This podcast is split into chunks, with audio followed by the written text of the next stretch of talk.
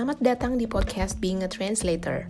Nama saya Desi Mandarini, saya adalah penerjemah dan juru bahasa lepas untuk pasangan bahasa Inggris Indonesia.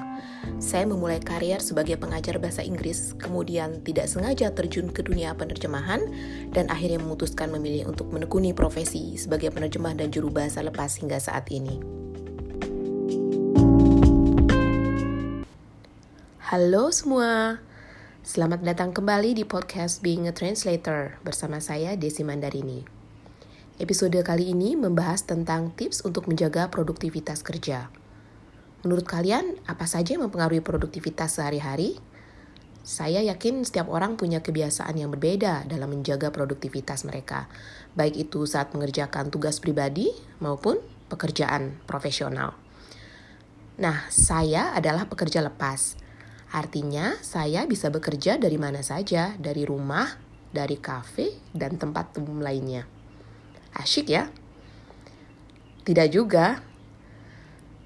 Tantangan terbesar bagi saya adalah gangguan dari orang dan lingkungan di sekitar saya.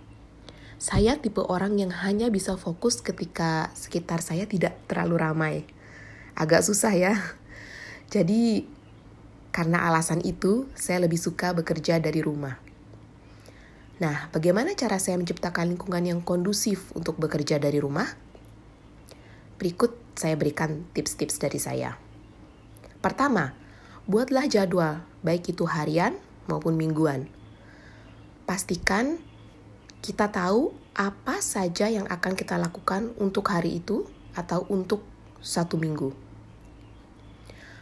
Kedua, cek jadwal kita setiap pagi, setiap hari, sesuaikan jika perlu, dan yang penting adalah laksanakan.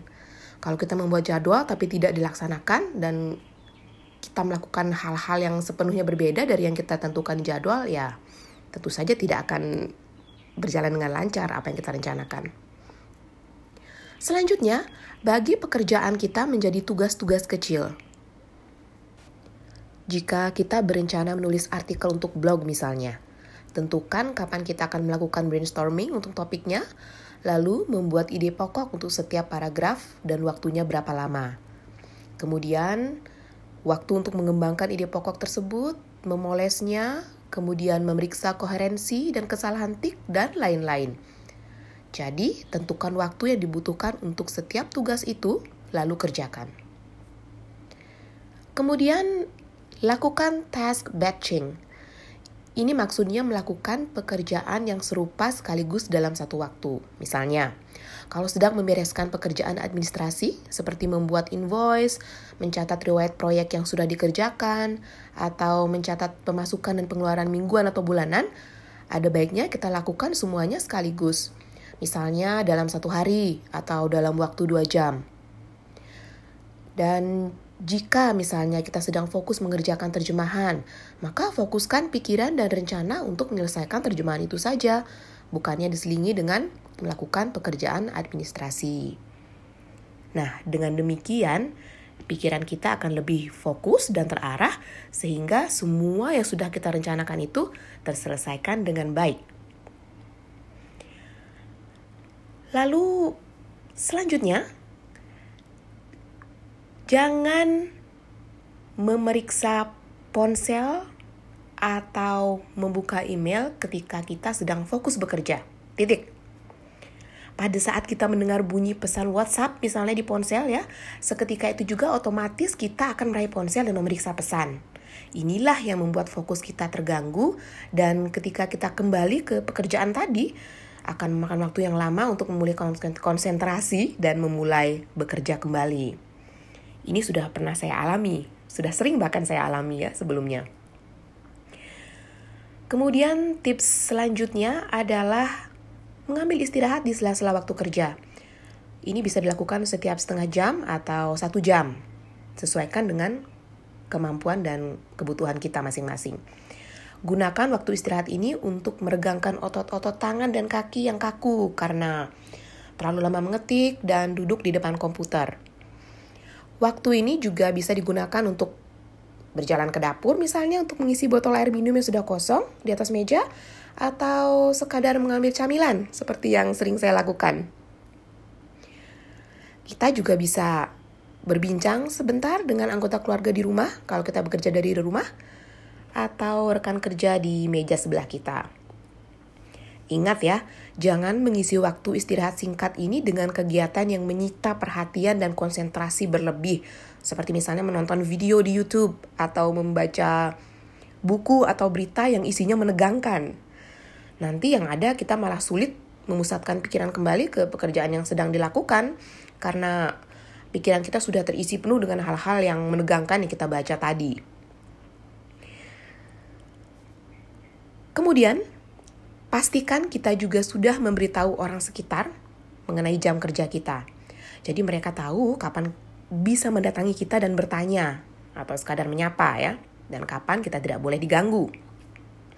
Pasti tidak nyaman kan kalau setiap 10 menit ada yang masuk ke ruang kerja lalu mengajak kita mengobrol atau menanyakan sesuatu seperti, eh berapa ya nomor telepon si A? Atau kemarin si B beli buku X di mana ya? Percaya, begitu kita menjawab satu pertanyaan ya, akan muncul 10 pertanyaan lain dan ujung-ujungnya kita malah akan mengobrol dengan orang tersebut. Tak terasa setengah jam berlalu hanya untuk ngobrol. Nah, bekerja dan berbincang santai itu ada waktunya masing-masing menurut saya. Jadi, pastikan kita mematuhi aturan yang kita buat sendiri dan memberitahunya ke rekan kerja atau anggota keluarga kita di rumah.